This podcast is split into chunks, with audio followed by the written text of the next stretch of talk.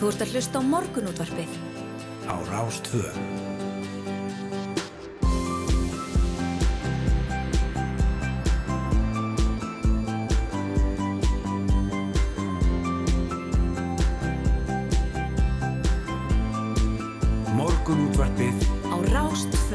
Jú, góðan og blessaðan daginn, hér heldur morgun útvarpið á stað og það eru Snær og Sindardóttir og Yngvar Þór Björnsson sem sitja með ykkur síðustu vikuna í júni. Já, einmitt. Hvað séru gott í dag?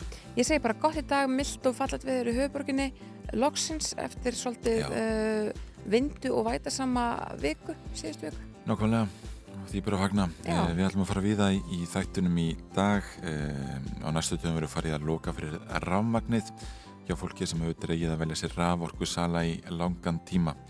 Nú dreifveitum er óheimilt samkvæmt lögum að dreifa raforku inn á heimili og fyrirtæki ef við ekki til staðar samningur við sölu fyrirtæki raforku og það er ábyrð einstaklinga að velja sér raforku sala. En fjölmarkir eh, verðast ekki vita af þessu og eh, við heyrum í lofisum Árnóndóttur hjá Samorku sem fyrir yfir já, hverja þetta varðar og hvernig það er að bregðast við.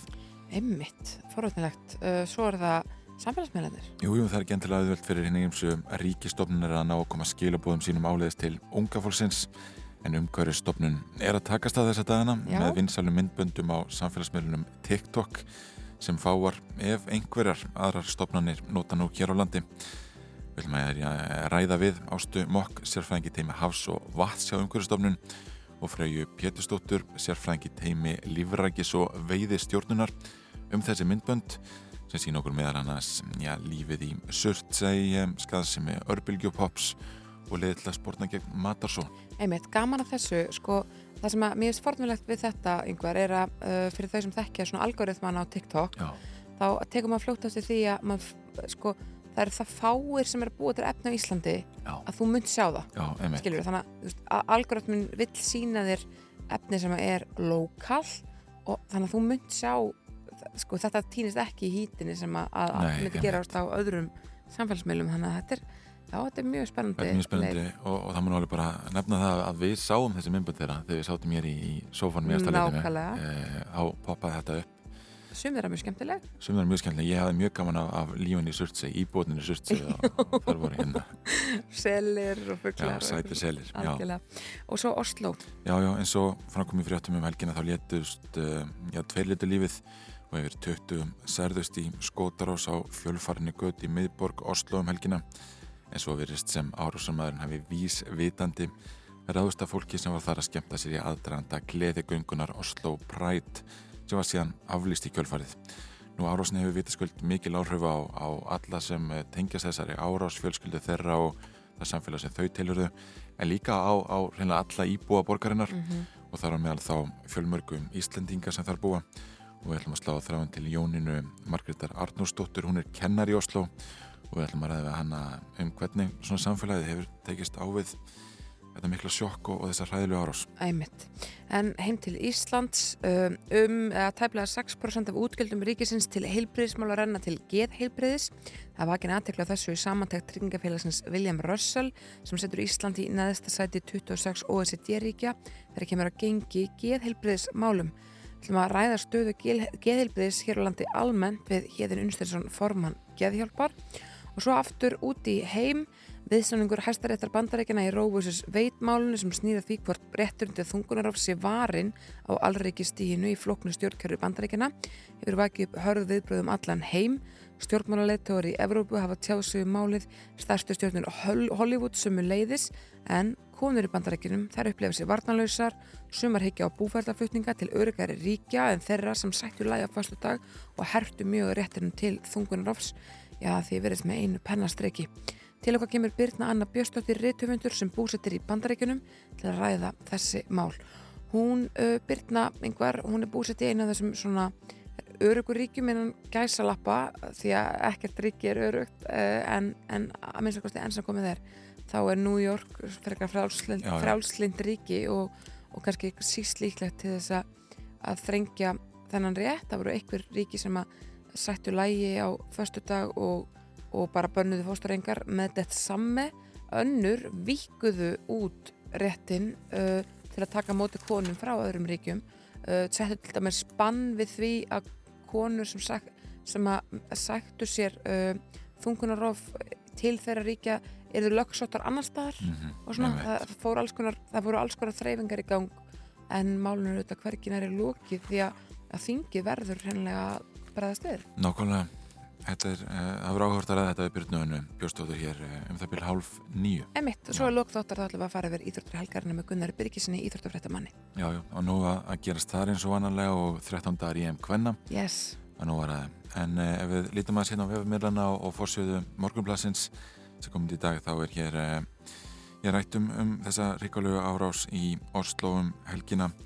Og uh, já, Sigurður Bói Sævarsson, blaðmar morgunblassins er út í Nóri uh, og hann segir að þegar hann kom inn í borgin á lögadaginn var strax orðið var við lauruglubíla og mikinn viðbúnað lauruglu það var hann að ferðum Nóri í hópi um 40 Íslendinga og dvaldi á hóteli rétt við London pub þar sem ára sem var gerð og mannmart var á gödum og þjættist hópurinn eftir því er dró nær miðborginni.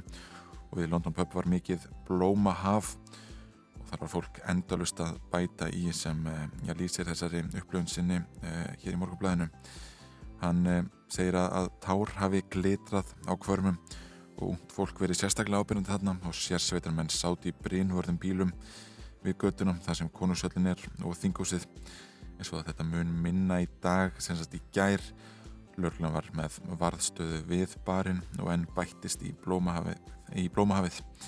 hann líkuð þannig frásöld sinni hér í morgunblæðinu Já, og það eru fleiri frétti frá Norðurlöndunum, það er alltaf hægt að treysta á það að uh, fréttastofa Rúf sé mjög öflug þegar kemur að Norðurlöndafréttunum.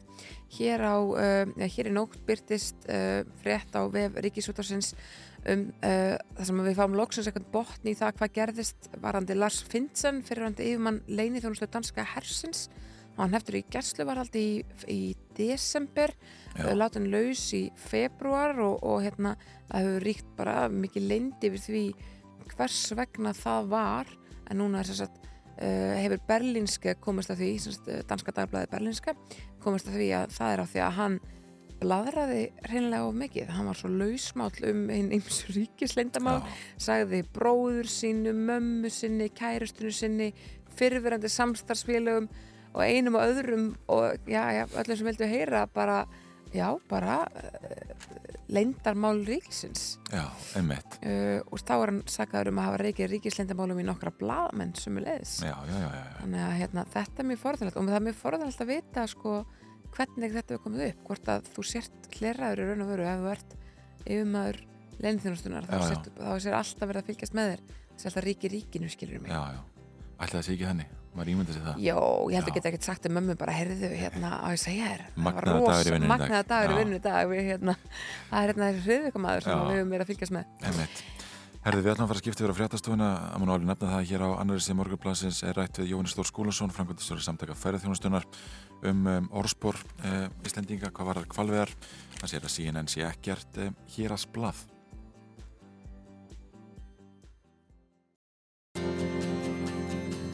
Þú ert að hlusta á morgunútvarpið. á Rástvö.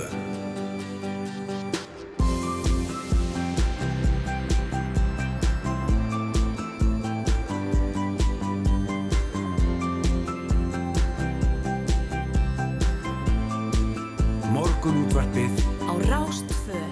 Sjöfréttir að baki og morgun útvarpið býður góðan dag, mánudaginn 27.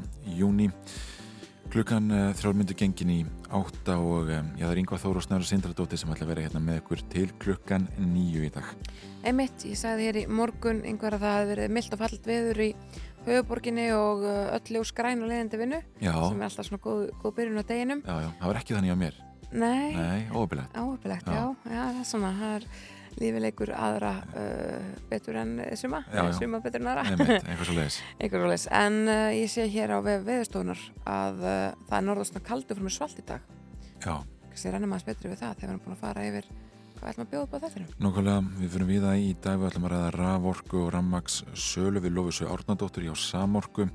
Við ræðum um um, já, samfélagsmiðla umhverjastofnunar þau eru virka á TikTok þessa dagan og ná þannig til unga fólksins Við um, ræðum við eh, Jónínu Margreti Arnósdóttur kennara í Oslo um skot árásina uh, þar í miðborginum helgina við Hjeðin Unstinssonum geðhelbreyðismálin og við Byrnu Önnu Björstóttur um, um já, þau tíindi sem urði í bandaríkunum sömulegi sem helgina.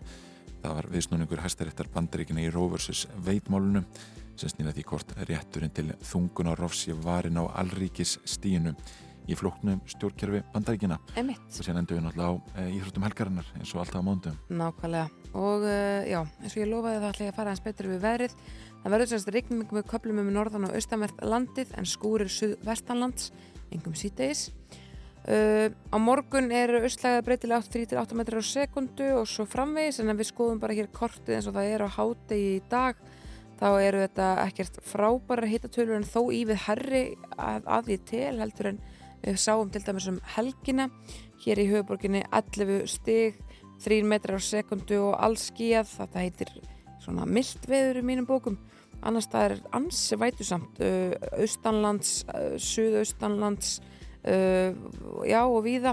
Þar sjáum við tölur á borðið 6 og 7 gráður uppi á vestfjærakjálkanum eru við með 10 stig Bólungavík og 4 metrar á sekundu vindin uh, það er helst að veri leiki við fólk á, í stikkisólmi þar sem að er 11 stað hitti 4 metrar á sekundu og heiðskýrt Mm -hmm. og Patricksferði þannig að það er breyðaförðurinn er, er það sem fólk á að vera í dag að minnst að í hátteginu en uh, svo uh, dreigur ský fyrir sólu þar eins og annar staðar og Já, það verður bara greindi regningum all land. Kannski til þess að toppa þetta aðeins þá var síðasta vika ansi köld og leðinleg svo það sé bara sagt reynd út uh, hér á akureyri.net sé ég uh, að vitnaði þeir í skrif Einars Sveinbjörnssonar veðurfræðings sem segir að þessi fremur óvenjuleg kuldatíð fyrir norðan trúlega kaldist þetta kaplin á öldinni sem gerir eftir sólstöður þar að segja 21. júni og að það hef, að það hef, hafi ekki verið kallt á Akureyri svo seint í júnimánuði í 30 ár. já, Á Akureyri var meðal hitti sólarhengsins þessi, að 5. daginn 23. júni 5,5 gráður, förstu daginn 5,6, lögadag 5,9 og sunnudag 5,4 gráður. Svo kaldir dagar þegar, uh, þegar komið þetta langt fram á sumar hafa ekki orðið á Akureyri 30 ár.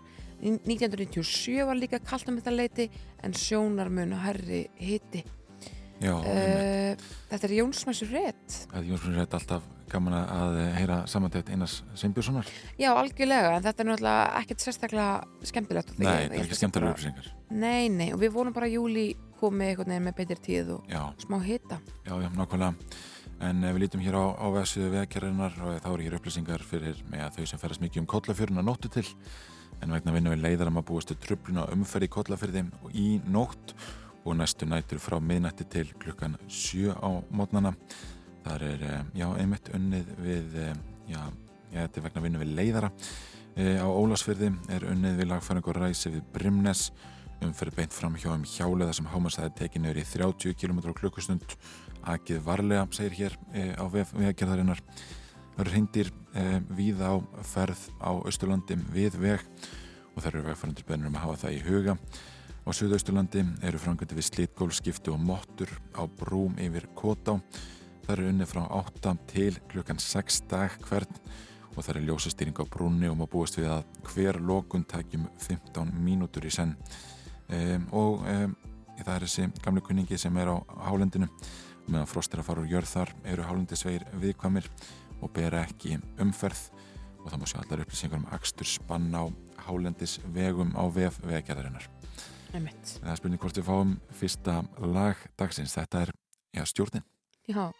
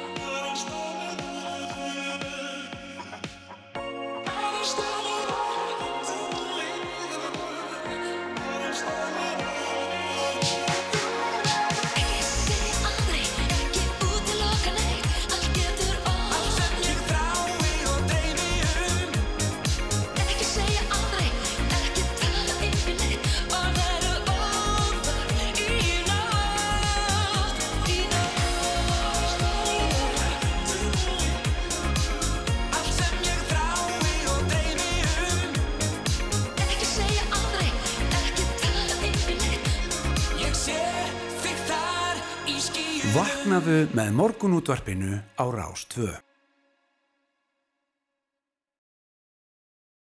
Á næstu dögum verður byrjað að loka fyrir rafmagn hjá fólki sem hefur dreigið að velja sér raforkusala í langan tíma. Og eh, dreifiveitum er óheimilt samkvæmt lögum að dreifa raforku inn á heimili og fyrirtæki ef ekki til staðar samningur við sölu fyrirtæki raforku.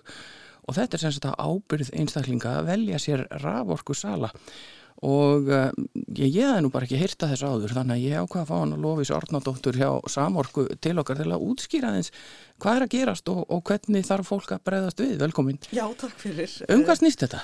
Heyri, þetta snýst nú fyrst og fremst um það að hérna, ramagn er vara á samkynningsmarkaði Já, og neytendu þurfa að taka svona upplýsta ákvörðunum hvaðan þið vilja kaupa ramagnin sitt. Bara alveg eins og þú tekur upplýsta allar að vera í símaviðskiptum, tryggingaviðskiptum eða, eða bara hvað sem helst, sko. Um, þetta gerist ekki sjálfkrafa, til dæmis ef að fólk kaupir nýtt húsnæði já, og það er kannski ekki allir sem átta sig á þessu og koma bara inn í nýjibúðun sína, stinga í samband og byrja að nota ramagnið og eru þá ekki búin að gera samning um kaupin á því. já, já, Og það er í raun og veru þetta sem þetta snýst um að, að það er eins og komst inn á í ingangi að þú átt að velja þérna rafkursala því annars máttu ekki nota ramagnið samkvæmt lögum. já. En þau okkar sem erum kannski bara búin að búa í okkar húsnæði árum saman og erum alltaf að borga eitthvað orkureikninga, þurfum við að gera eitthvað eða hvernig veit maður hvort maður er í þessum hópi? Já, góð spurning, sko. Þetta í raun og veru, ef þú ert nú þegar að borga ramagsreikninga, það þýðir að þú ert nú þegar í viðskiptasambandi við uh, sölu fyrirtæki ramags. Já, En þetta eru fyrst og fremst á núna þeir sem er að koma nýjir inn á hana markað, hafa ekki áður verið í viðskiptum við uh, ramagsölu fyrirtæki. Og þetta eru til dæmis þeir sem er að kaupa sína fyrstu íbúð, þeir sem að hafa kannski fluttur útlanda og hafa ekki verið inn á þessu markaði í dágóðum tíma og það miða þarna við 90 daga, hefðum það byrð þrjá mánuði frá því þú varst, hefur ekki verið í viðskiptum síðustu 90 daga, þá þarfst að velja. Já. Þannig að svona, langflestir eru bara með þetta í góðu lægi en því miður þá eh, er það þannig að, að það eru ennþá einhverjir sem hafa ekki valið sér raforkusala. Og það hefur verið hingað til kerfi sem svona beinir þessum einstaklingu sem gleyma sér og velja ekki beinir þeim í viðskipti uh, við raforkusala og það hefur verið orkustofnun sem hefur haft milligöngum það En nýlega var sagt, úrskurðarnefnd ráðskomála komst að þeirri niðurstöðu að það fyrirkomulag sé óheimilt. Já. Þannig að nú er orkustofnun að vinna eftir nýri reglugerð, uh, ráðuneytisins. Þannig að nú hefur fólk 30 daga frá því að notendaskipti eru á rammarsmæli til þess að velja sér ráðorkusala og það er alveg dágóðu tíminn til að kynna sér kaup og kjör. Þetta er líflegu markaður. Já, og Það þetta er samkeppnismarkaður. Þetta er samkynnsmarkaður. Það eru átta fyrirtæki sem bjóða rafmagn til sölu og eins og gengur gerist þá er náttúrulega mismöndi kjör, mismöndi þjónusta, eitthvað svona fríðindi sem þið langar að nýta þér mismöndi eftir fyrirtækjum þannig að það er bara auðvelt að skoða þetta. Já, Það er að skoða þessi fyrirtæki inn á bæði heimasíðu orkustofnunar, heimasíðu samorku eða bara beint inn á heimasíðum þessara fyrirtækja og, og, og það tekur örf á mínútur að gera þetta og koma sér í viðskipti. já. En fólk sem að er kannski að hlusta á okkur núna og er að velta fyrir sér, kannski nýflutt eða eitthvað og, hugsa með sér, kannski er ég í þessum spórum. Uh, hvernig kemst það að því? Getur það að skoða þetta eitthvað á vefnum eða þarf að ringi eitthvað eða býður bara hang til að ljósins slagna? Ekki býða án til ljósislögna kuðanabæri því því miður eða þannig að það er kostnæðasamt að láta opna fyrir aftur eða búið að loka hjá þér. Já, og við viljum náttúrulega ekki að, að loka fyrir rammanni hjá neinum þannig að alls ekki býðast við því endilega frekar að kynna sér hvort þú ert nú þegar í viðskiptum. En gullnaregnandi er svolítið svo ef að þú hefur verið á segjum bara á íbúðamarkaði í einhver tíma eða hefur verið að fá hérna, reikning og aldrei fengi viðvaranir mm. af því það er nú þannig að, að það er ekki loka fyrir rafmagnir nema undan gengnum miklu viðverunum já, og starfsfólk dreifjaveitnana hefur núna sko setið sveitt við að senda tölupósta, senda SMS, ringi fólk. já, Þetta er bara heilu stöðugildin af því að við viljum ekki loka fyrir. já. Þannig að það er verið að reyna að finna þetta já. fólk og, og láta það vita. Og margir hafa bröðust við sem betur fer en því miður er ennþá stór hópur sem ekki hefur gert það og, og, og þá samkvæmt lögum eins og þú komst inn á þá verður að loka fyrir af því að það bara má ekki afhenda rafmagnið nema þessi, þessi samningu til staða við raforku sölu fyrirtæki. Já, hver er uh, fresturinn á þessu? Hvenar uh, er bara dregin lína og nú þurfa allir að vera búin að gera þetta? Er einhver dagsetning á því eða er það mismunandi fyrir hvern og einn? Það er mismjöndi fyrir hvern og einn af því að það fer eftir hvena notendaskiptin eigi sér stað. Af því að þegar, segjum svo svo, þú fær, hérna, ert bara ný, kaupaða nýja íbúð og færð hana afhenda og þá er það, hérna, sá sem að selur íbúðuna, hann lesa á mælunum og skilar inn af lestri, Já. það eru notendaskiptin. Og frá þeim tíma byrja að telja 30 dagar sem þú hefur þá, Já. sem nýreigandi, til að velja þér nýjan rárkursala. Já, en ef við stígum aðeins út fyrir þetta og förum yfir í þessa, þessi átta fyrirtæki sem eru, eru í þessum bransa, uh, þetta, eins og þú sagðir áðan, þetta er samkeppnismarkaðar, það kannski borgar sig fyrir fólk sem er búið að vera í viðskiptum árum saman svona án þess að skoða þetta, að, að kafa eitthvað ofan í þetta og kannski þetta að fá betri díl eitthvað sjálfsögðu. Það er hvatið þess á hérna, öllum samkynnismarkaði að skoða hvað er í bóði, skoða hvort þú getur fengið betri kjör, hvort þú getur fengið einhver staðar, eh, einhver fríðindi sem þið líst vel á eða, eða slíkt. Þannig að þetta er einmitt það sem á að gera.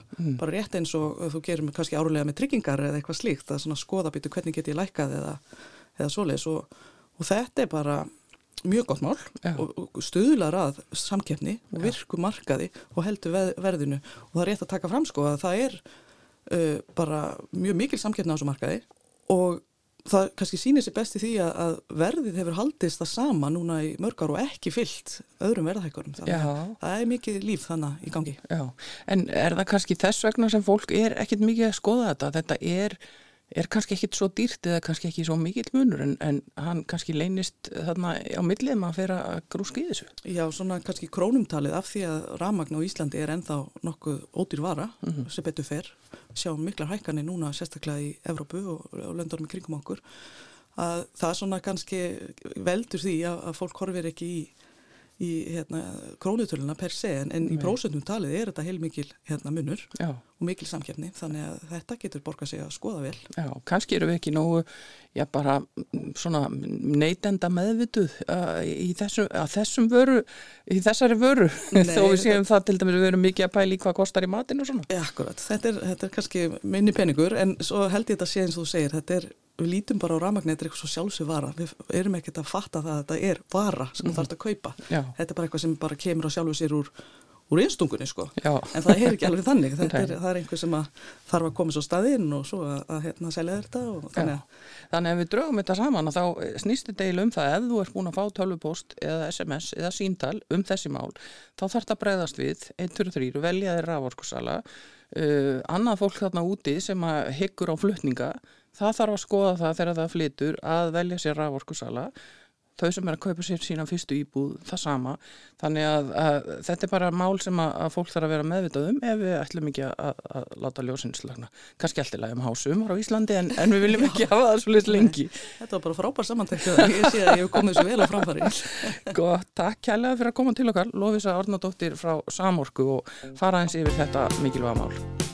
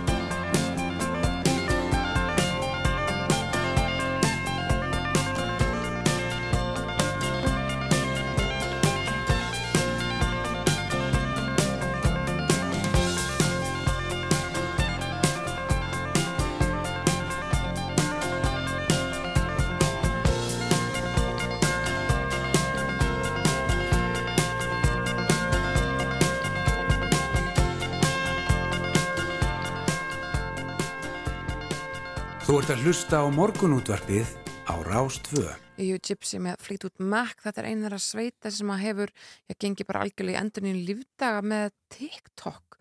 Já, Unga kynslaðan einhvern veginn uh, heyrði loksins Fleetwood Mac lög í gegnum já, já, TikTok. já, á talandum TikTok. Nákvæmlega. Það, sáttu við hér í, í sófanum í, í útvarshúsinu fyrir helgi. Já. E, vorum þar einhvað að, hérna, að pikki síman og, Og sko TikTok. og skoða TikTok og, um, og þar sáum við sáum við myndbönd frá umhverfisstofnun uh, sem er núna að koma að sínum skilabóðum áleiðis til unga fólksins í getnum myndskeið einmitt á þessum samfélagsmiðli er að sína þarna frá um, já, lífinu í Surtsey, skaðsemi örbulgjupops og, og, og svona sína eitthvað leiðilega sportna getum matarsóðun til að mynda Já, algjörlega. Þetta er líklega eina ríkistofnunin sem að er á TikTok Já, einmitt og við viljum að fræðast það sem þetta. Já, nákvæmlega, ræðið Ástum Akk, sérfræðingi teimi Hafs og Vass hjá umhverjastofnun og Freyju Pétursdóttur, sérfræðingi teimi Lífríkis og Veiðistjórnunar.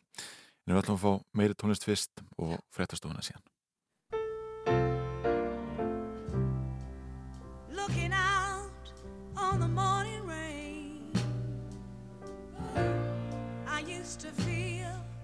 so uninspired.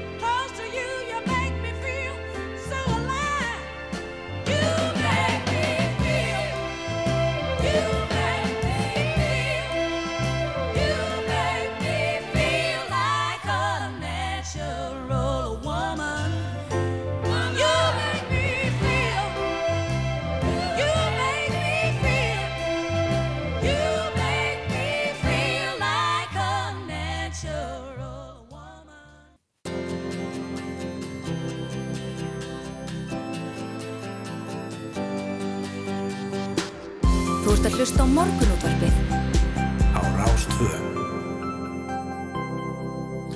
Jú, frétta yfir þetta baki og morgun útarbið heldur hér áfram en það er ekki endilega auðvelt fyrir eina ímsu ríkistofnunir að ná að koma skilabóðum sínum áleiðis til unga fólksins en umhverjastofnun er að takast að þessa dagana með vinsalum myndböndum á samfélagsmiðlunum TikTok sem fáar ef einhverjar aðra stofnunir nota nú hér á landi.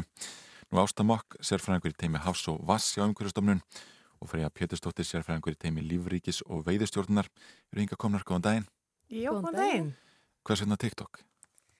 Um, sko, við höfum báðar verið svolítið mikið á TikTok og maður hefur bara séð að þetta er bara að verða eitt stæsti samfélagsmiðlin Mhm.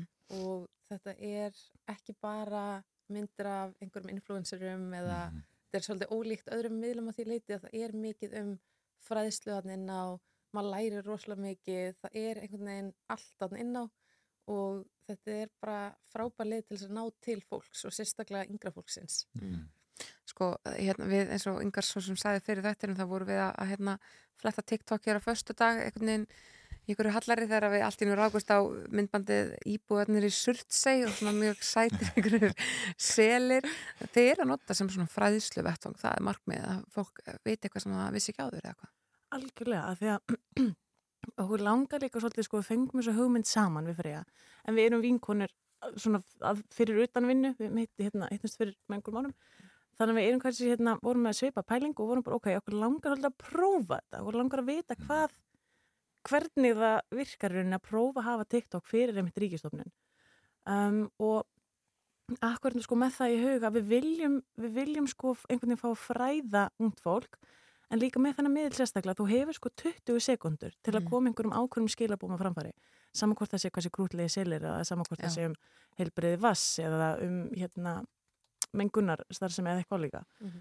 um, en hérna Já, þannig að markmiði var kannski bæði að fræða en líka bara í rauninni að sína svolítið hvað umhverfstofnun gerir Já, af því að uh, það eru bara held ég svolítið margir sem vita ekkert hvað umhverfstofnun Mm. gerir og ég meiri að það var einhver vinkun okkar sem að vinnur hjá umhverfstofnun sem sagði að þegar hún byrja hjá umhverfstofnun þá var fólk bara já, er það einhver lögfræðistofa eða það er það Já. og maður er bara, nei alls ekki Já. og líka það sem við erum að gera í umhverfstofnun er mjög mikilvægt og við erum að gera verðlega mikilvægt hluti Já. og ég held að sem sérstaklega mikið ungu fólki að núti sem veitur en ekki hvað það er Mhm. og þá einmitt er þetta skemmtilegt að meðlis áfram en sko þá erum við sko bæði, þetta er svolítið tvíþætt við erum svolítið að reyna meira því hvað við gerum út frá svona lagakröfum og reglugerðum og fleiru. Mhm. en svo er þetta líka bara að setja út sko sérfærað þekkingu á einhvern bara mjög mannlegan og skiljanlegan hátt. Mm, og mér finnst það, það er ógislega gaman. Já, já. Það en líka rosa- mjög erfitt á saman tíma. Já, ég ætla að fara að segja að það er hérna áskorun líka að því að maður hefur bara mjög stöðum tíma og það þarf líka að vera skemmtilegt. Þetta er ekki bara, má ekki vera bara eitthvað leiðilegt fræði Nei, líka, það er útrúlega skiljiði. þurrt. Þá er náttúrulega þá nennir enginn að horfa á þetta, þá horfum við bara næsta. Já, já, þannig að það er rosalega mikið sem er hægt að gera því að umhverfstofnun gerir svo margt og það eru svo margir málaflokkar innan stofnunar Mhm. þannig að við höfum mikið efni Já, já, Já, alveg endalust. Einmitt, við sjáum það bara að hérna, hvaða, 53.000 manns hort á, á myndskeið af hverju samstagsmaður ykkar kaupir ekki örbylgjupopp. Já, einmitt. En það er líka sko að þú veist, við erum, hérna, við erum búin að vinna þetta í einhvern tíma og ég er búin að prófa nokkuð teimi og það er svolítið fyndið sko að því hérna, ég, þetta var í efnateiminu, þetta er hann í efnateiminu sem er efna, sérfræðingur bara svo að það komið fram.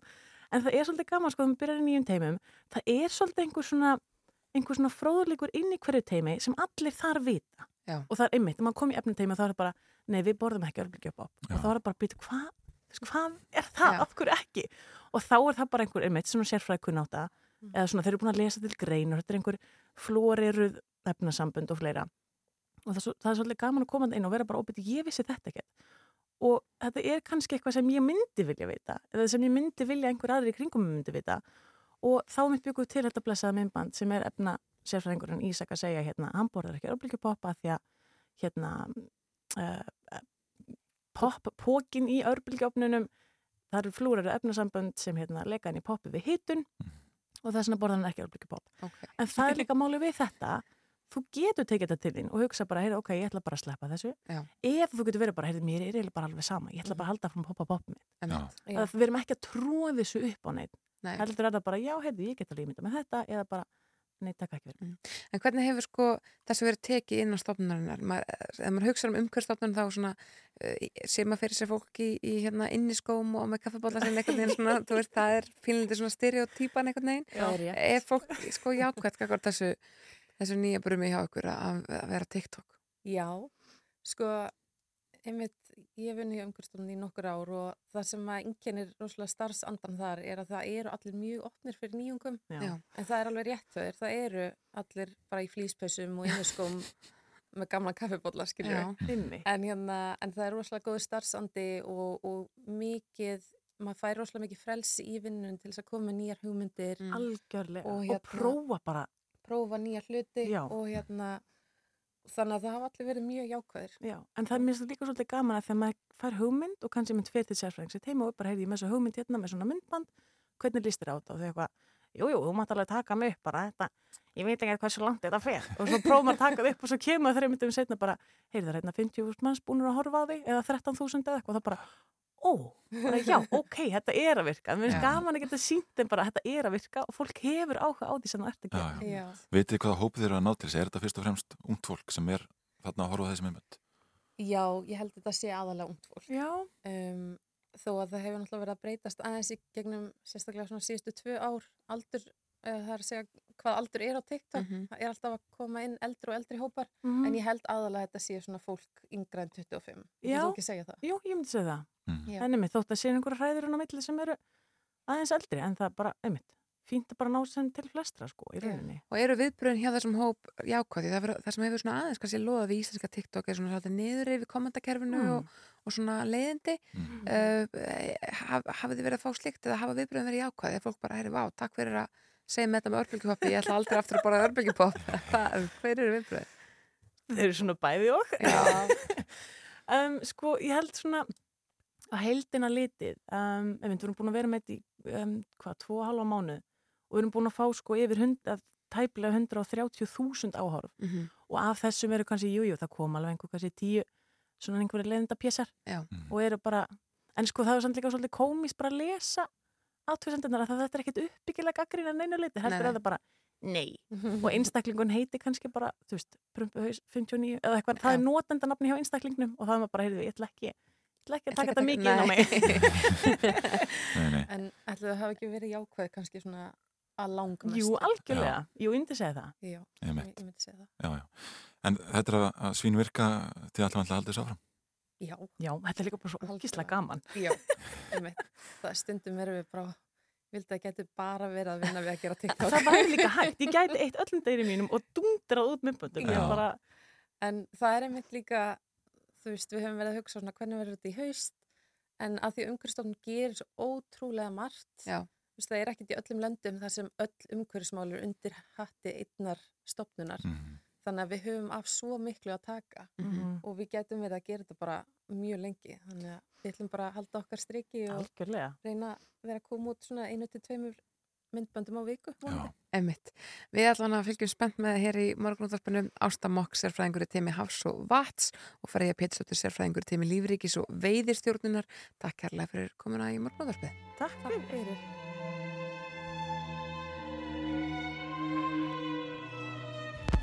So enchanting in every way.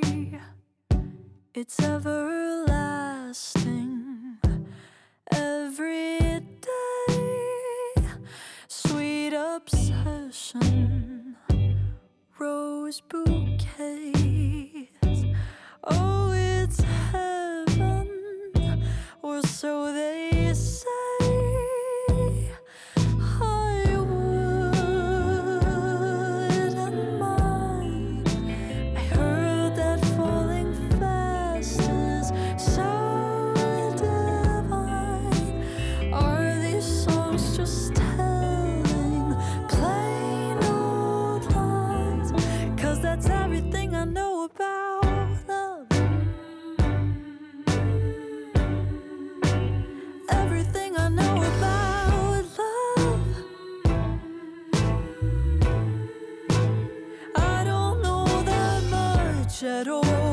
I trip, fall.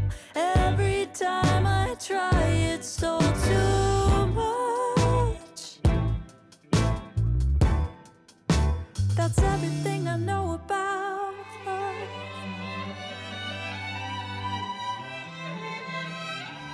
Captivating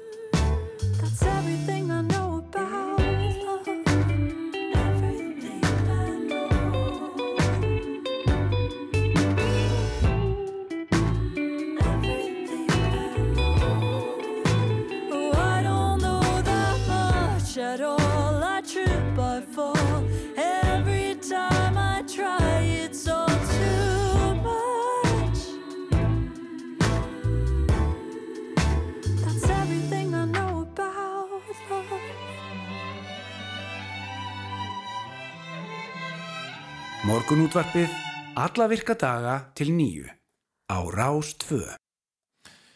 Jú, jú, þetta var löfvei Lean Everything I Know About Love en eins og fjallega við verið mikið um þá letu tveir lífið og yfir 20 særðust í skotarás á fjölufarinni göti í miðborg Oslo um helgina eins og verist sem árásamæðurinn hafi vís vitandi ráðust af fólki sem var þar að skemmta sér í aðdraranda gleðigöngunar Oslo Pride sem var síðan aflýst. Nú árásin hefur vitaskuld mikil áhrif á, á eh, fjölskyldu þeirra og það samfélag sem þessi einstaklingar eh, tilherðu að núti en líka vitaskulda á alla borgina og þá fjölmörgu Íslendingar sem þar búa og Jónna Margret Arnórsdóttir kennar í Oslo er komin á línuna, góðan daginn Já, góðan daginn.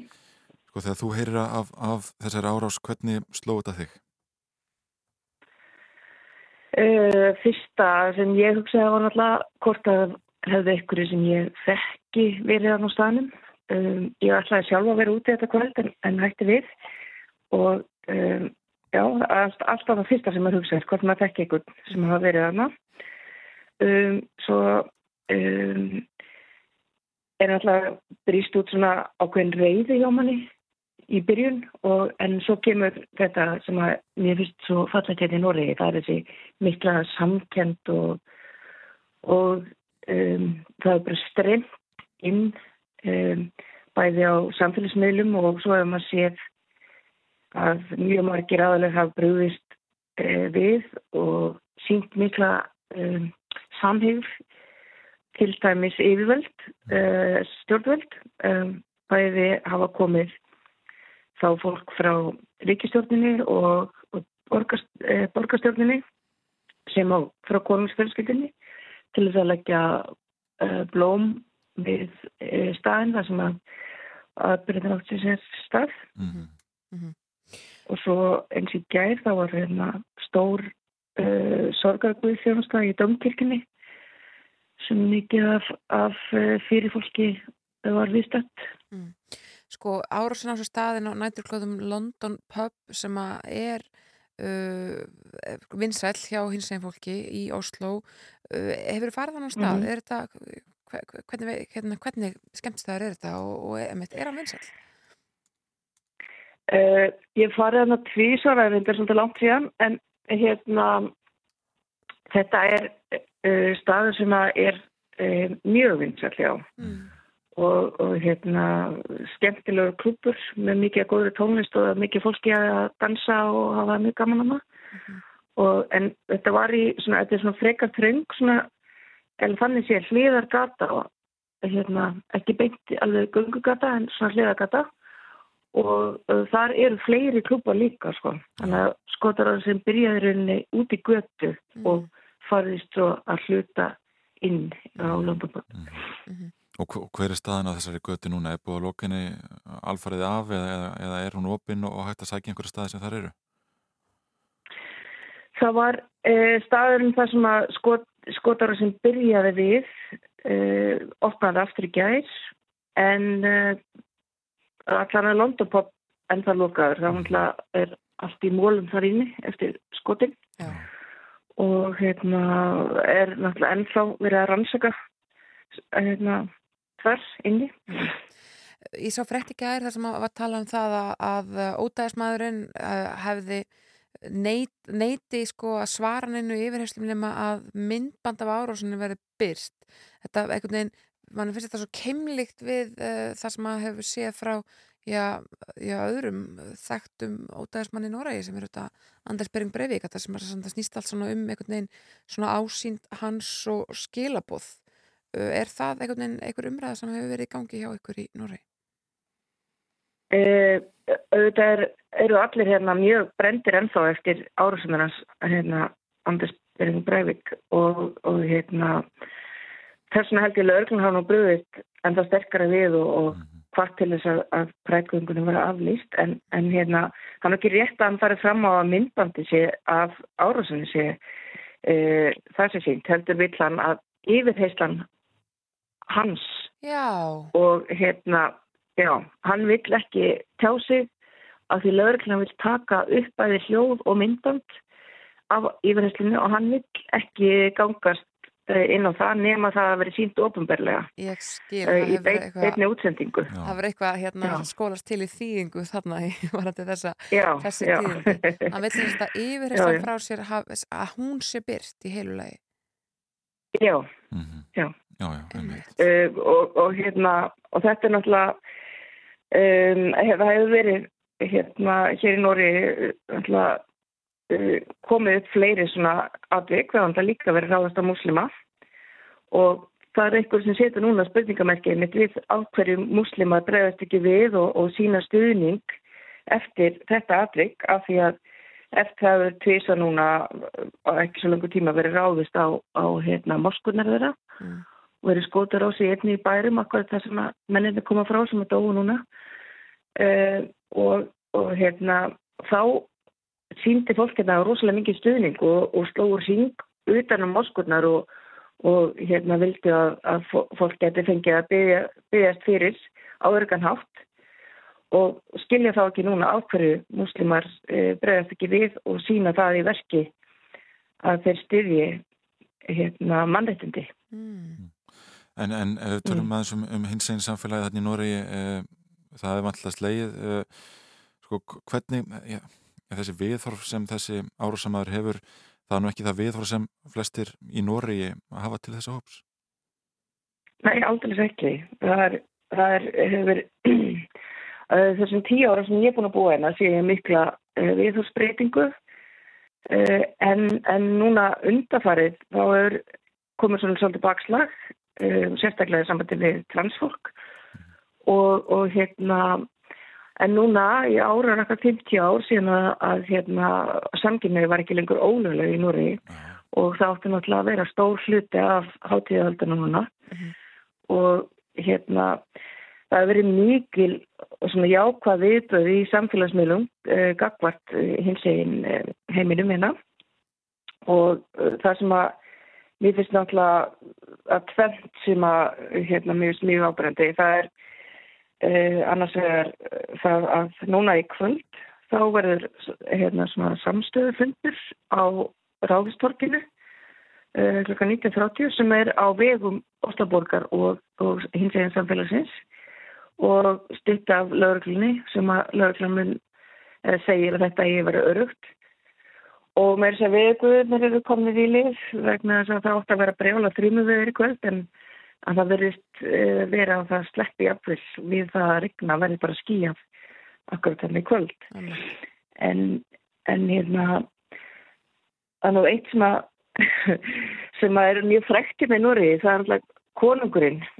Hann er, það er mjög litið upp til hans Haraldars og í ræðu fyrir uh, ég man ekki alveg hvað tveim, þreymur ára síðan þá sagði hann þetta hérna, normenn eru stelpur sem eru hrifnar af stelpum strákar sem eru hrifnar af strákum og stelpur og strákar sem eru hrifnar hvort að öðru normenn trú á Guð, alla, allt og ekkert með öðrum orðum, Noregur eru þið, Noregur erum við.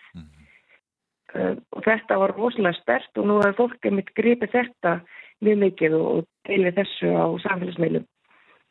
Einmitt. Um, sko, rannsóknlauruglega er þetta fullum gangi. Uh, er, er fólk svekti við því að gleðiganguna hafa verið fresta? Já, það er náttúrulega ákveðin um, ákveðin hópur af fólki sem hafa sagt yfir því og, og hérna en aðalega er, er náttúrulega fólk svegt yfir því að hérna að einhver einn aðali skuli geta rauninni eðalagt svona mikið og það er búið að undirbúa gleðgönguna mjög lengi. Hefur ekki verið hægt að hafa náttúrulega síðustu tvö ár og, og fólk var búið hlakka mikið til. Og var með þáttaka skráð í, í hérna gönguna og pluss að ég veit að óbúslega margir ætla að vera með. Meðal annars hópur og skólan mínum ætla að vera með. Uh, af, af nefndum, það er mikið af mikið af nefndum í mínum skóla sem eru trans og já, við mismöldi kynvitund. Og nokkri kennarar þar tóku sig saman og, og byrjust til þess að fara með nefnduna ef að fjölskyldan alltaf ekki með þeim. Mm. um, en, en hérna en fólk skilur það rosalega vel samt og að vera hægt við og, og sérstaklega hérna af öryggis ástæðum af því að það var ekki vita hvort það væri einn sem stæði fyrir þessu maðurinn eða ekki. Og, og, og sérstaklega eftir þetta með Reykjavík þá er er fólk bara hrætt Þetta verður að vera Mm. loka orðin Jónina Margrét Arnúrsdóttir í Oslo, takk fyrir að ræða við okkur í morgunúttarpinu. Ja, takk. Við förum að skipta yfir á frettastofuna, heyra átta frettir og koma svo að með spórið ætlum að ræða geðheilbriðismál hér á Íslandi við Héðir Unstensson formann geðhjálpar uh, og svo við að ræða vs. Wade dóman við Byrnu Önnu Björstóttur sem er búsett í York. Já, já, og endur síðan þáttin á Íþróttum helgarinnar er svo alltaf á móndi.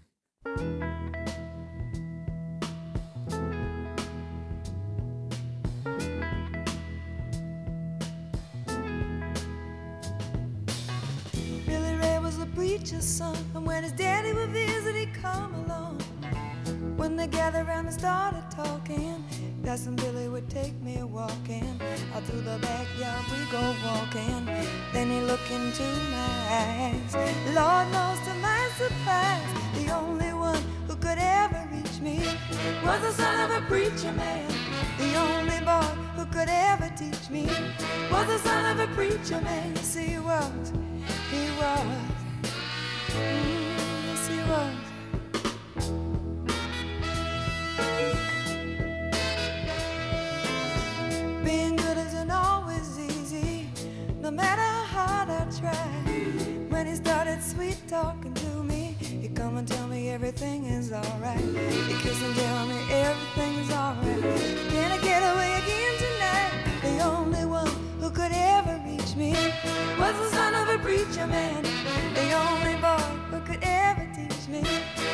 son of a preacher man. Yes, he was. He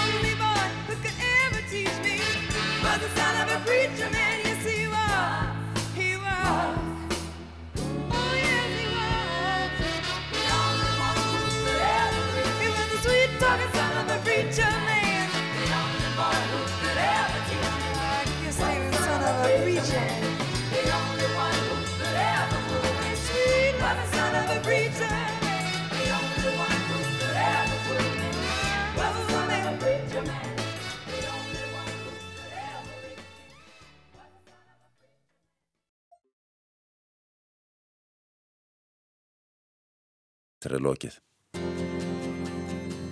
Þú ert að hlusta á morgunútvarpið. á Rástvö.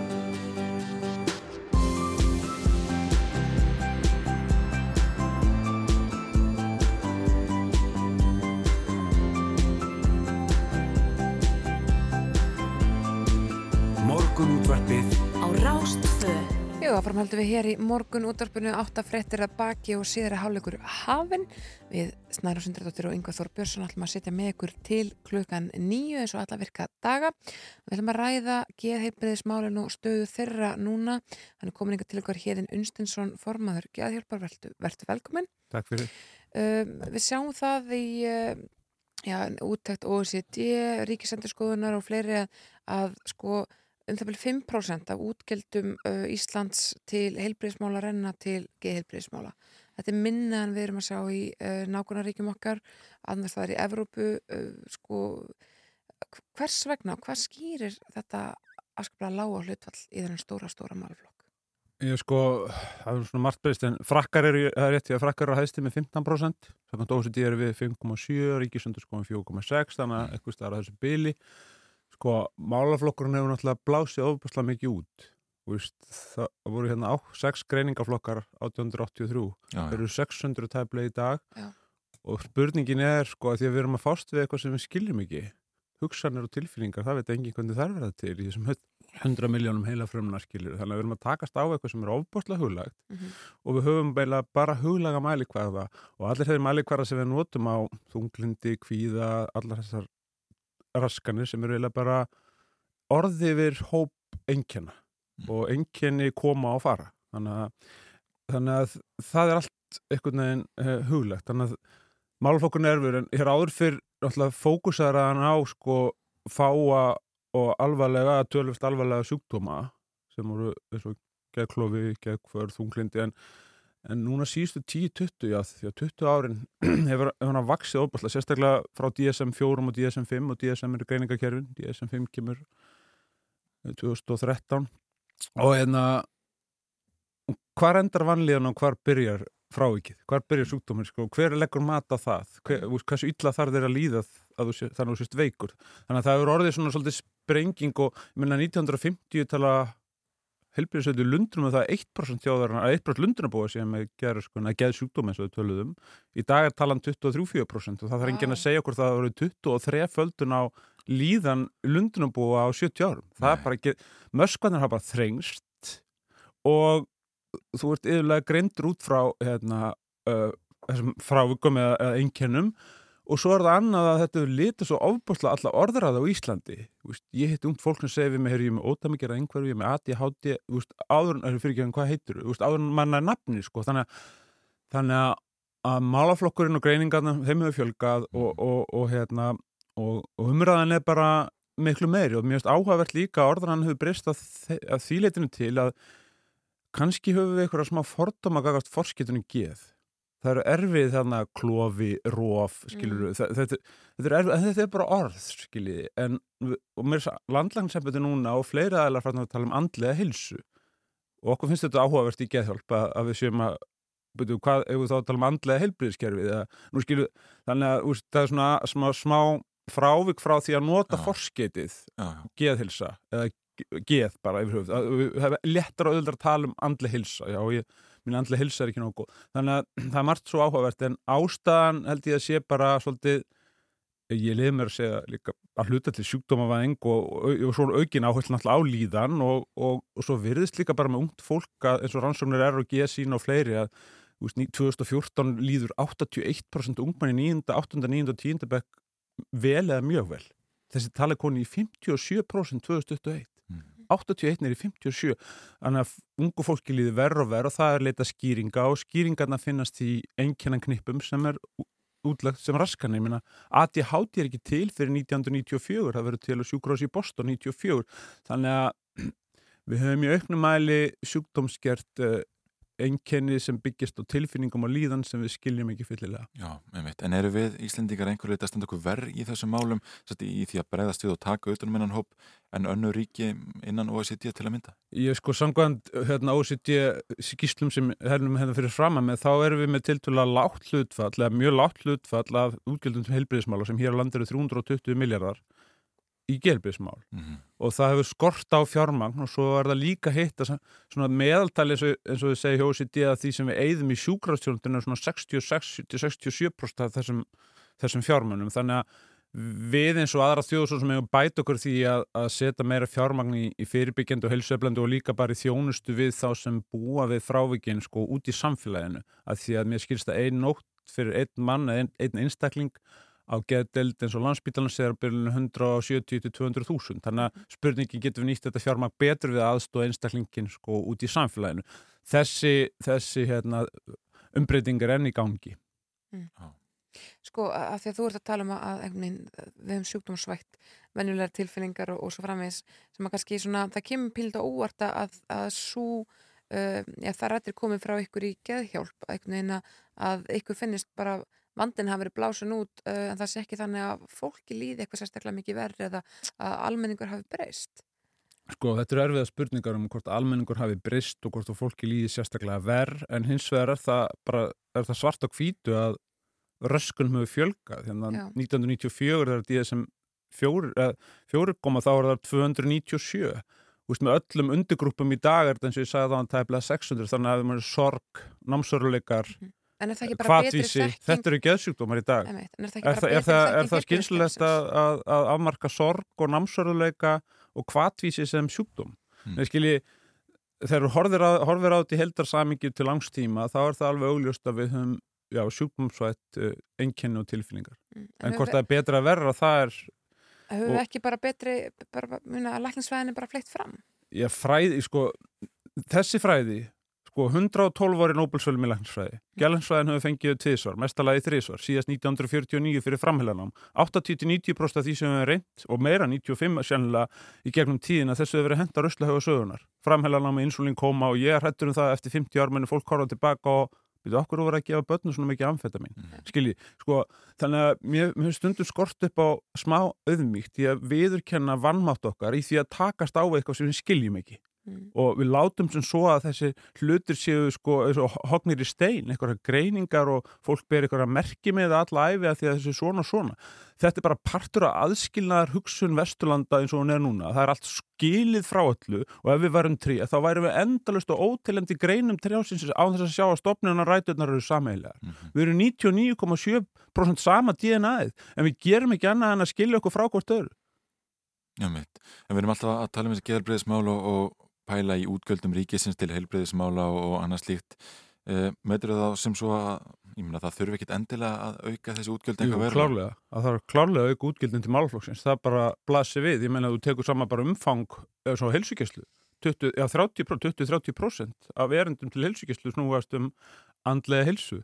Og hérna, þannig að það er klart mál og það þarf að auka útgjöld til málflokksins en það er líka endurhugsan og, og, og metan svolítið upp á nýtt og það er það sem var að gerast núna í þessari geðhelbriði stefnu sem fór fyrir þingi og nú er tilbúin aðgerðarállun í 25 liðum sem ekki orðin ofinber en þá þá eftir að kostnaða metan í fjármálrándinu og ég eftir að sjá þá að hann fái fjármagn vegna þess að þau eru áttugur því að 600 miljardar ofinber útgjölda sem eru 1200 hjá ríki og 400 hjá sveitafélugum og við kjóðum 60-30 til að sjá ríkis 1200 miljónar en 520 til að sjá 400 í 64-5 sveitafélugum að þessir peningar eru meira og minna fastir í ykkur sem þegar er í gangi. Þannig að ætla sér alltaf að koma nýjar áallanir með 25 aðgjörnum sem kostar 2-3-4 miljardar eða guð veit hvað það kosta á endanum að það er erfitt við að eiga því að ofinbært fjö er bara ekki til staðar inn í verkefni. Við erum með 200 miljardar hall á ríkisjóði og þannig að ég, ég bara vona það besta að, að, að komi fjármagn og þetta verði hérna, sett í forgang að því að svo sannarlega skýsla ríkisendurskoðanar, svo er þessi Arnarholt skýsla og svo er, svo er þessi gehelbriðistefna og það er endalus flögg sem við erum að sjá í þessum málflokki en, en það vantar klárlega upp á fjármagnið og, og ég er að vona að, að, að þessi aðgerrarállum sem byggist á gehelbriðistefnu þingsins sem er búið að samþykja núna til fjóra næstu ára að hún hérna fái eitthvað, eitthvað fjármagn til þess að, að það sé hægt að gera eitthvað. Auki fjármagn, myndi það ekki þýða bara einhvern veginn auðvelda aðgengja því að fá hérna ímsu greininga fyrir börnin sín ef að maður hefur ekkert sérstaklega gaman að þeim lengur Mögulega. er það ekki? Jú, meina, mögulega, jú. hvernig viljið þið að þessu fjármagn sé varðið? Sko, mér finnst að það þarf að snúa þessu við, við erum með fyrsta, annars og þriðasti tjónustu, þetta þarf að setja mun meira í fyrsta þessi tjónustuna, efla heilsugjösluna, hugsa meira um forvarnar og heilsueflingu, vegna þess að við töpum eiliflega á því að þurfa alltaf að takast á við málun eftir á. Mhm. Og þannig að, en það þarf að endur hugsa og það, og það gerðist að vissu leiti í þessari geðhelbriðistefnu og klárlega í þessari aðgerra áallun og þetta var mjög góð vinna sem við tókum þátt í á landsbítala og ráðuneitun og fleiri aðilum. Þannig að nú býðum við bara þess að sjá hvort að hérna, við fá, hvort og kom eitthvað fjármagn í að, framkama en við höfum svolítið verið upptíkin svona eins og við erum með sótastrím og fótunutækja það er bara ein lausn einhvern veginn og við erum búin að tala rosa mikið um sálfræðingar síðustu fjögur, fimm ári Já. sálfræðingar er bara að leysa allan vanda sko. þeir eru frábærir en það er ekki þannig að það, það virki þannig sko. við, við þurfum svolítið að vera hugsa þessi meir í mósæk heldur en að horfa bara alltaf á einalið og þessi bara dam og ham sem er ágætt fyrir sitt en það tekur bara á hugsanaferlum og líðan og, og, og, og, og hérna og þým líku en, en, en, en vitundarlífið er alveg ósnert en, en svo er náttúrulega áhuga að vera hlutir að gerast það líka þar að segja vitundin er til að, að þessi þessar 7-8 miljardar dala sem eru komin í rannsóknur og vitundavíkandi efnum munu skilast inn í þessi kerfi eftir 3-4 ár. Það er alveg klárt, það er ekki spurning um ef lengur, það er bara spurning um hvort og hvenar. Og það verður meira átt að bylgja og ég heyrði í geðlækni sem kom núna af fundi Pávan á kardináluna í APA eða American Psychiatric Association núna nýlega og, og núna er hans farin að segja já ég er vissum að þetta verður mest að framfara bylgja næstu 70 ár sko. Hérna erum við að tala um eitthvað svona mikroskamta Nei, ekki mikroskamta, nú, þeir, þeir sko rannsóna sem snúast núna treatment resistant depression að þrálutu þunglindi snúa bara að, að, að, að ferðalagi sko, fullum skamti, fjórum, fimm grömmum og, og það eru þau rannsóna sem er í gangi núna og, og við erum að vonast til þess að að fyrirtæki komi hér og, og sérst, það er viðræðir í gangi mellir landsbítal háskólisjúkur og svo þess að eins þessar stóru fyrirtækjum að Ísland verði 16. landi í þriðja fasa klíniska rannsókna á þrálátu þunglindi Þú og ef ú- það gerist þá mun svona að að mínu viti svona andrúslotti hér hvað þetta var það aðeins svona settlast Já, þú verður útskýraðins betur í hverju þessi meðferð felst. Uh, meðferðin felst semst í því að þetta er allt annað sett og setting. Það er undirbúningur í tvö skipti með, með heilbriði starfsmönnum svo uh, leggst viðkomandin liður og, og tekur uh, yfirleitt svona í kringum 5 milligram af, af sílosíbinni uh, og fer á, á, á ferðalag og situr þá með, eða sérst, liggur þar á, á bekk með tveimur hérna, heilbriði starfsmönnum og svo er unnið úr upplifunni í Við erum 2-3 skipti á Við erum eftir. þannig afskinninu ferðalag Já, já, já. Já. sko skinnjun og sk- ofskinnjun, Já. já, já, það, við erum að tala um það að, að, að, að viðkomandi fer á, á, á ferðalag af, af, af innra ferðalag af sílusýpinni og svo er unnið úr því eftir á. En eins og ég segi, þessar rannsóknur hafa verið í gangi síðan 1999 þegar það byrjuði John Hopkins og eru svona ná hápunkti núna og það verður heimildatháttur núna veit ég á Netflix sem byrja 12. júli og þannig að það eru mikla vonir bundnar við að þetta verði næsta framfar bylgjan í, í fræðunum og, og ég sé, eins og ég sagði á hann, ég sé ekki bara lengur, ekki bara hvort heldur hvenar og hvernig, hvernig þetta, hvernig þetta þróast. Þú talar um þrjú til fjögur ár. Já, ég er að tala um það núna. Þetta, það eru bara það langt komna rannsóknar, ég meina þeir eru að fara í þriðja fasa þetta fyrirtæki, þeir framkvæmaðar í 15 löndum, þetta verður 7-800 manns og ég er að vonast til þess að að það náist samkómala millir þeirra og spítalan sem það að Ísland geti tekið þátt og það er því bara ávinningu fyrir okkur. Einmitt. Sko að því þú fórst hérna aðeins svona sögulegt yfirleitt yfir það hvaða, uh, hvað við höfum reynd í geðheilbríðismálum og hvað, hver hefur verið hægt ímsar hérna aðgerður að heila og svo framvegis. Uh, hvað hefur virkað? Hver er síðasta framfarabilgja sem að, að því að geðhjálp hafa verið ána með? Skilningur ástu umhyggja. Já, það er bara þannig. Það er sko beinfalt. Ég meina, úst, ef þið skoðið þessa 220-30 ára sögu frá því gælansfræðinu fyrst kent og lengra aftur, sko, fyrst náttúrulega við settum bara fólk á, á báta á, á, á Rín og á, á með Evrópu og töluðum bara um ship og fool, sko, og við vildum bara hafa fólki út og svo tóku hæli náttúrulega við og það gott við einangra fólk sem var hömlulöst og stjórnlöst og, og það er fram til göttunum en, en, en svo náttúrulega hefur við í senni tíð reyndað ástunda meðferð í samfélaginu og hjálpa fólki og mér finnst svona vant upp á já, svo kallar eins og það meðferð sem hétt moral treatment og það voru kveikerar í bandaríkjun sem síndu, eða sem ástunduðu hann og það var svona, já, það var svona skilningur og umbyrulindi og umhyggja og ég er ekki að segja að það sé ekki til staðar í kerfunum en, en, en við förum ekki að reyna eins og lif fyrir 1957 að þóra sín og fyndu núraleptika en taugahamlandi lifin koma og, og svo að næsta fram að bylgja kemur 91-2 þegar SSRI-lifin koma þunglindislifin en það er bara svo ofbóðslega mikið sko þurrt tímabil núna svo lengi, það verður ekkert gerst í þessum fræðum í 30 ár meira minna þannig að menn fagna því að það sé þó eitthvað kannski á sjöndöldarhingnum Mhm. og ég bara segi ykkur það að það er lengra komið heldur en að sé bara á sjöndöldarhingnum af því að rannsóknar er bara lengra komnar allt í kringum okkur. Mm, þú talar um það sem að, að höfum verið að einangra fólk í, í gennum tíðuna, eru við að einangra fólk um of ennþá? ég bara veit það ekki, við erum náttúrulega eins og ég segi, við erum ennþá með hérna, lokaðar getildir og, og, og, og staðið þess að við, við hérna, hjálpum fólki en það er almenn allan að stefna okkar og stefna margar fleiri að halda áfram þessari afstofnarvæðingu við náttúrulega tókum stórskrif hérna, með strömmkvörum 2006 og 2007 þegar síminn var seldur og fjögur framkvæmdsjöfu fallara og sölu símans nota til þess að koma fullt af fólki út af hérna Arnarholti og Gunnarsholti og Kleppspítala út í sjálfstæða búsötu og búsötu kjarna en þetta er áhugaverð þróun, þeir voru 12-13 í upphafi. Nú held ég að borgin sem kom með 23 þannig að þeir veginn blás út og ég hef svolítið áhugjörð því að þar sér maður alltaf yngra og yngra fólk sko, svolítið sérst þetta svona ungt fólk sem komið í svona þungúræði en, en ég held að líkiladriði sé virkni og hlutverk í samfélaginu og það er kannski það. Og þar hefur maður svona áhugjörð kannski á stærra svið, það er, mér skilst að sé um 3000 manns ungmenni á aldrinum 18-26 ára sem er ekki í er áhugjefni hvað varðar geðhilsu og varðar að fólk eilangar sig að, að hafa ekki hlutverk að hafa ekki tilgang í, í samfélaginu. En hvernig snúum við þessara sjúkdómsvæðingu við sem þú talar um? Hvernig getum við látið, uh, sko, einmitt, ungt fólk hætta að skreita sem með, með greiningunum sínum uh, fram eftir öll? Sko, það er náttúrulega 850 miljardar dala heildra veltu gælifa eins og 2020 og það er ansi miklu peningar, það eru 108-9 þúsund miljardar. Það eru 109 föld fjárlög á einu ári í veldunni heiminum. Þannig að það eru gríðilegir hagsmunir í þessum bransa. Þannig að en ég held að hægt og bítandi sé svo sem hægt að snúa þess alveg við. Ég veldi líka fyrir mér sko ábyrð einstaklingsinn, ég er ekki að segja fólk að ég bara býða með að sækja þjónust, ég er bara stundum stundum veitnaður hansi mikið sjálfur um eigin líðan. Það er náttúrulega engin annar sem veit neitt, uh, getur sett sér inn í það almennilega en að þú sjálfur og, og ég held að það sé gaglegt líka aðstóða ungt fólk við að hjálpa því að taka meira ábyrða sín lífi og læra bjargráðu hjálp skilu það er svo margt sem hjálpar og þar vísa í þessar tölfur sem allir bera þessar síma skilu, nota vatn reyfa sig, úst, þessi, þessi reglulegu svona geðræktandi hérna, þættir sem við þekkjum öll mataræði reyfing og þessi hlutir og úst, ég held að þetta skiptir rosalega miklu máli og svo líka bara öll samskipti það verðist vera að við höfum svolítið farið nýður í samskiptahefni og kannski Já. má það rekja það til þess að við störu, stöðut á þessa skjái og horfum inn í augun á fólki og hittum fólk minna og ég heyra ungum konum, ungum mönnum sem tjá tilfinningar sína á, á Snapchat af því að þá hverfur það eftir að búin að segja frá því en veist þannig að ég maður veldir því fyrir sig hvort að, að, að þess, þessi ofbáslega áhersla á samskipti í gegnum snjalltæki og samfélagsmiðla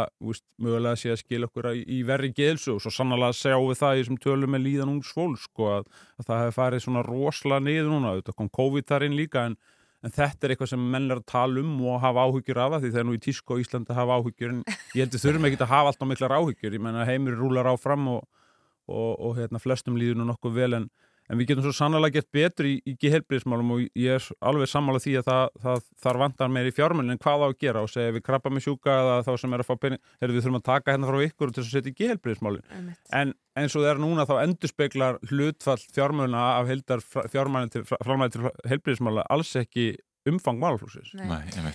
Það er tíska á Íslandi að hafa áhyggjur. Ég er Nýrstansson, formar Geðhjálpar, takk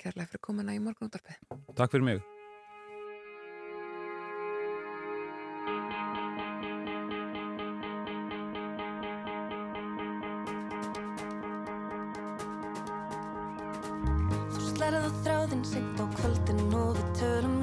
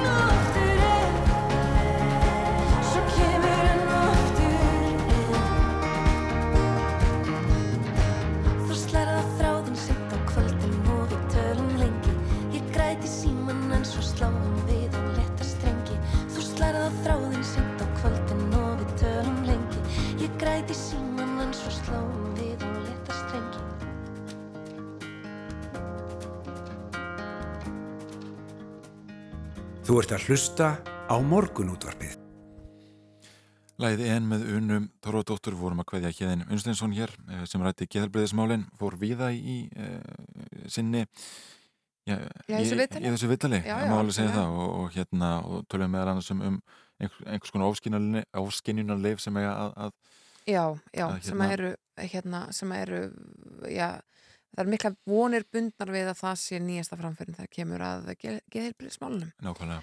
Mjög forðunlegt uh, en Am- uh, það eru nýja frettir utan á heimi? Jú, jú, við erum með kveikt hérna á uh, frétta þetta breska ríkisútasins um, á skjá inn í hljóðverið 2 hér í afstæðleitinu og það blikaði breaking breaking hérna á með við rættum við hérna Unsteinsson og ástæðan er svo að að G7 eða leiðtor G7 ríkjana voru að samþykja hertar RFC aðgerir gegn rúsum vegna innrsvar þeirra í Úkrænu. Já, emmitt. Uh, Vlótumir Selenski, Úkræni fórseti, hann mun áarpa G7 uh, leðtóna núna eftir skamma stund sé ég hér á, á VF, uh, VF BBC. Já. Hann er þetta búin að áarpa í nýmsu þjóðþing og, og meðan hans íslenska þingið og grammi velnáttíðina. Já, já, já, já, einmitt, einmitt. Hann er orðin hérna, ég myndi halda að ræðu skrifarinn hans ég vona þær að hann fengi launa eitthvað. Já, já, akkurat. Eh, Síma geta þess að leiðtor Finnlands, Svíþjóðar og Tyrklands alltaf hittast á fundi eh, með framkvæmdastjóra Atlasarspandalagsins í Madrid á morgun um, daginn sem ársfundur NATO hefstar í borg og daginn fyrir eiginlegan leiðtóafund bandalagsins Mhm.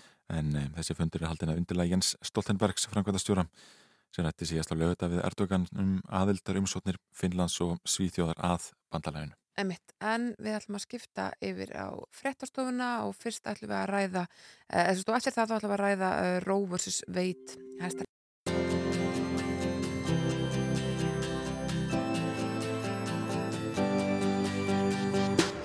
Þú ert að hlusta á morgunútvarpið. Á Rástvö. Jú, jú. Viðsnúningur hæstaréttar bandarækjana í Roe vs. Wade málinu sem snýra því hvort rétturinn til þungunar sé varin á allreikis stíinu í þessu flókna stjórnkerfi bandarækjana hefur vakið upp hörð viðbröðum allan heim. Stjórnmálulegtagar í Evrópu hafa tjásu málið stærstu stjórnur Hollywood sumuleiðis og konur í bandarækjunum þar upplifa sig já, varnarlausar og einhverjar þeirra higgja á búferðlaflutninga til örugari ríkja en eru einhver ríki örug, það er spurningin. Hún er komin ertu velkomin. Takk. Sko, uh, þú er búsett í New York, það er til dæla frálslind ríki, uh, konu þar kannski ekkert mjög, uh, sko, ekkert mjög ágifullar yfir stöðunni fyrir sig persónlega en þetta er samt reyðarslag fyrir all landi, ekki satt? Jú, þetta er eðaslag fyrir allt landið, allar konur og hérna það er í rauninni með þessum úrskurði verið að taka réttindi sjálfsökunur rétti af konum og í rauninni er þessi úrskurður, það er verið að setja konur núna klárlega niður fyrir kalla. Þannig að þetta er, þetta er risastort mál Mm. og snýst kannski ekki bara um þungunarof, heldur stöðu kvenna í samfélaginu og nú það er bara, það er búið að vera þessi gangi þessi, þetta plan republikana um að, um að hérna, snúa við þessu þessu róveit fordæmi. Þetta plan byrjaði þegar þetta var sett á fyrir að verða 50 árum og nú hefur þetta tekist hjá þeim og staðan er núna þessi og það er bara uppnám eins og við höfum séð í fréttum frá bandaríkjánum, mjög mikið uppnám og svona ótti, reyði og sorg allt í bland. Já, já. Eins og að segja þá að þetta mál sér tölveran aðdraanda og, og kannski svona má segja það að Donald Trump hafi talsra áhrif þegar hann skipar dómar í Hæstarétt. Já, sko, þa- þetta, þetta er búið að vera plan hjá republikanum mjög lengi, áratugum saman, löngu fyrir Donald Trump. En það sem gerðist þegar hann varð fórseti var að þá losnuðu þessi sæti sem að urðu til þess að þeir republikanar fengu loksins meiri hluta í hæstarétti. Mm.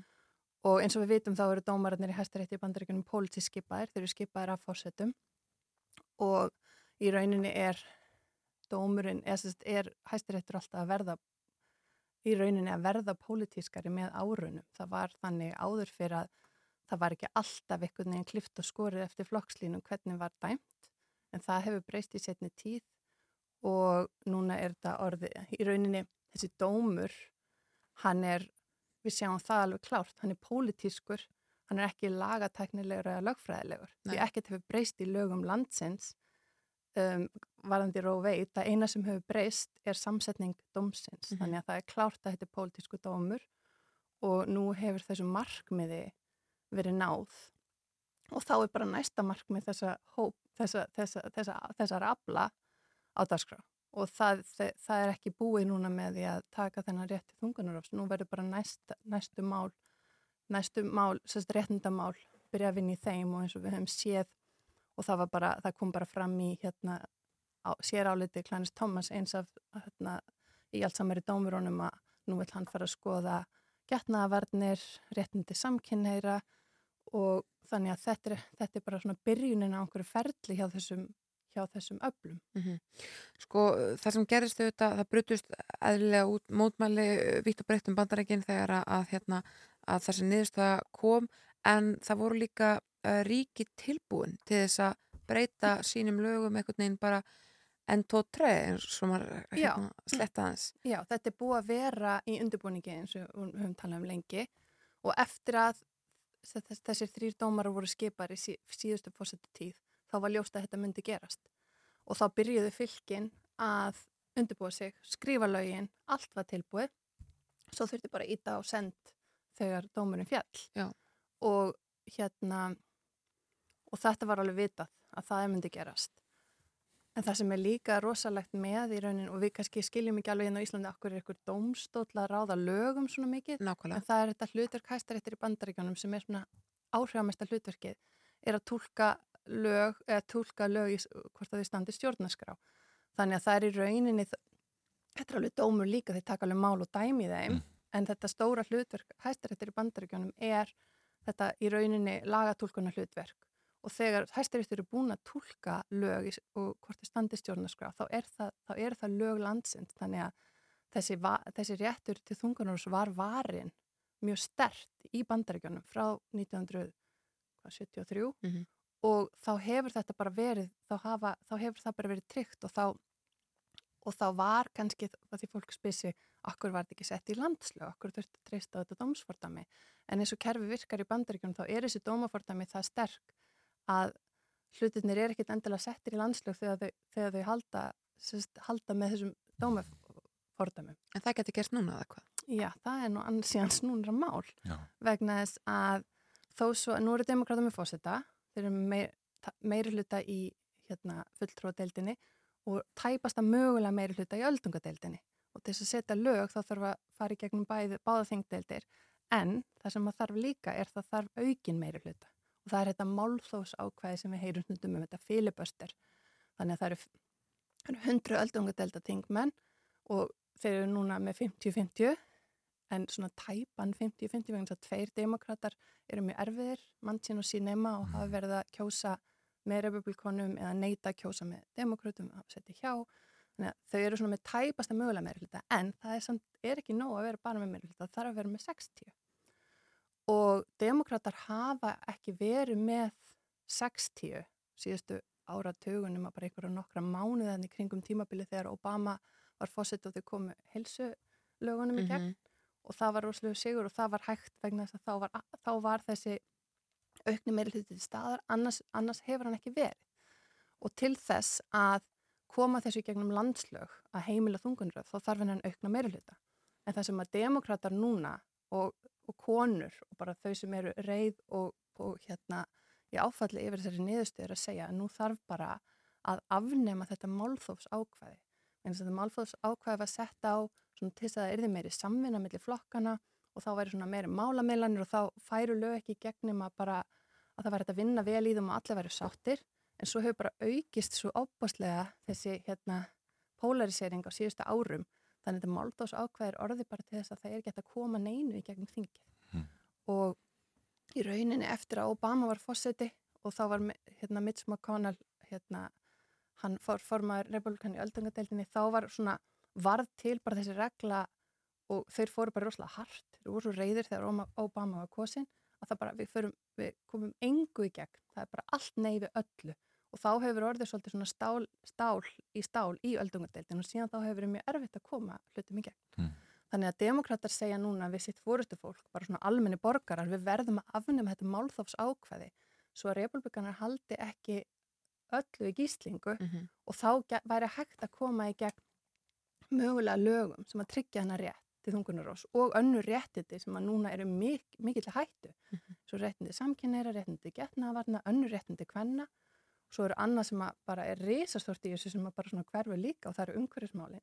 Þessi hæstiréttur, þessi íhaldsami hæstiréttur, hann er að rúla tilbaka alls konar reglugerðum um hérna, mingunarvarnir og stórfyrirtæki eru bara í Svona rosalega eitthvað frakkingdót og Já, og, og bara ímislegt bara í þetta við eiturefni og losun og svona.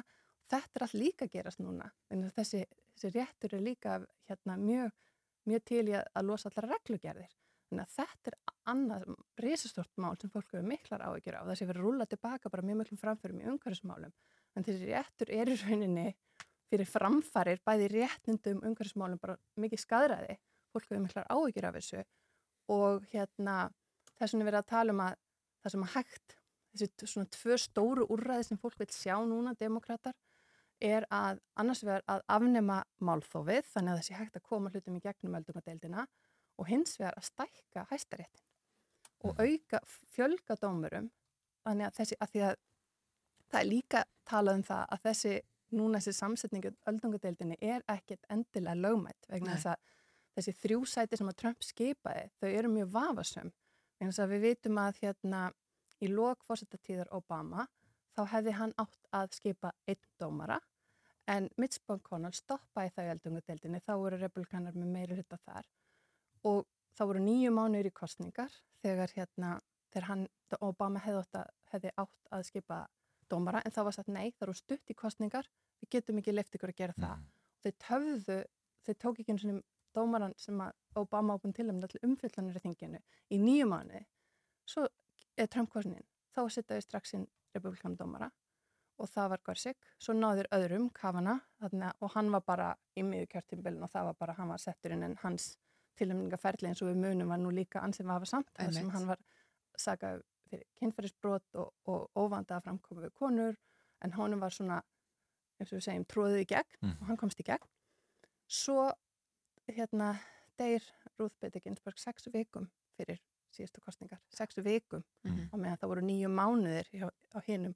Það þótti ekki á stutt hjá republikonum og þau tróðu Amy Coney Barrett inn í hæstaréttin, hún, hún var hérna staðfest tíu dögum fyrir kostningar og þegar hún, þegar það ferli fór allt í gang þá voru sko auðvitaðkjörstaðar kostningalöngu byrjar, sko Já. kostningar voru komnar í gang samt náður, þannig þá náður þeir inn þremu dómurum og þannig náðu þeir þessum meirhluta sem nú setur þessi, sem setur núna allt úr skorðum í mandarísku samfélagi og þá segja demokrater, fyrst að þeir spila svona rosalega svífirðinan leik, þá verður við líka að vera hörð og það er hægt að bæta við dómurum, það er, það er, það er alveg samkvæmt reglum hérna, Það er alltaf oft fyrir rætt um það að fjölga dómurum en, en það er ekkert, ekkert einfalt málinn til að Nei, nei, það er ekki það þessu einfalt.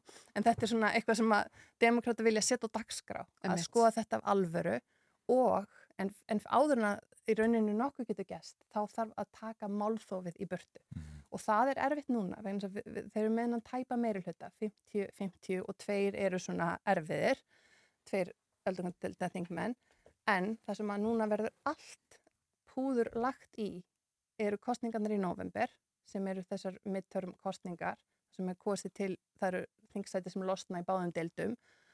Og ef að hægt verður að auka meiri hluta demokrata aðeins í öldungadeildin, þeir nú kannski 52 eða 3, þá verður kannski auðveldara að til dæmis koma þessi gegn, að taka burt málþófið og þá verð, getur, geta demokrater með sinn meiri hluta í báðum þingdeildum og fyrsta komið í gegn lögum sem að vinna gegn þessum öfgafulla hérna, hæstarétti sem að er bara komin núna á fullt í að í rauninni brjóta bak aftur framfarir og réttindi síðustu ára og ára töga í bandaríkjum.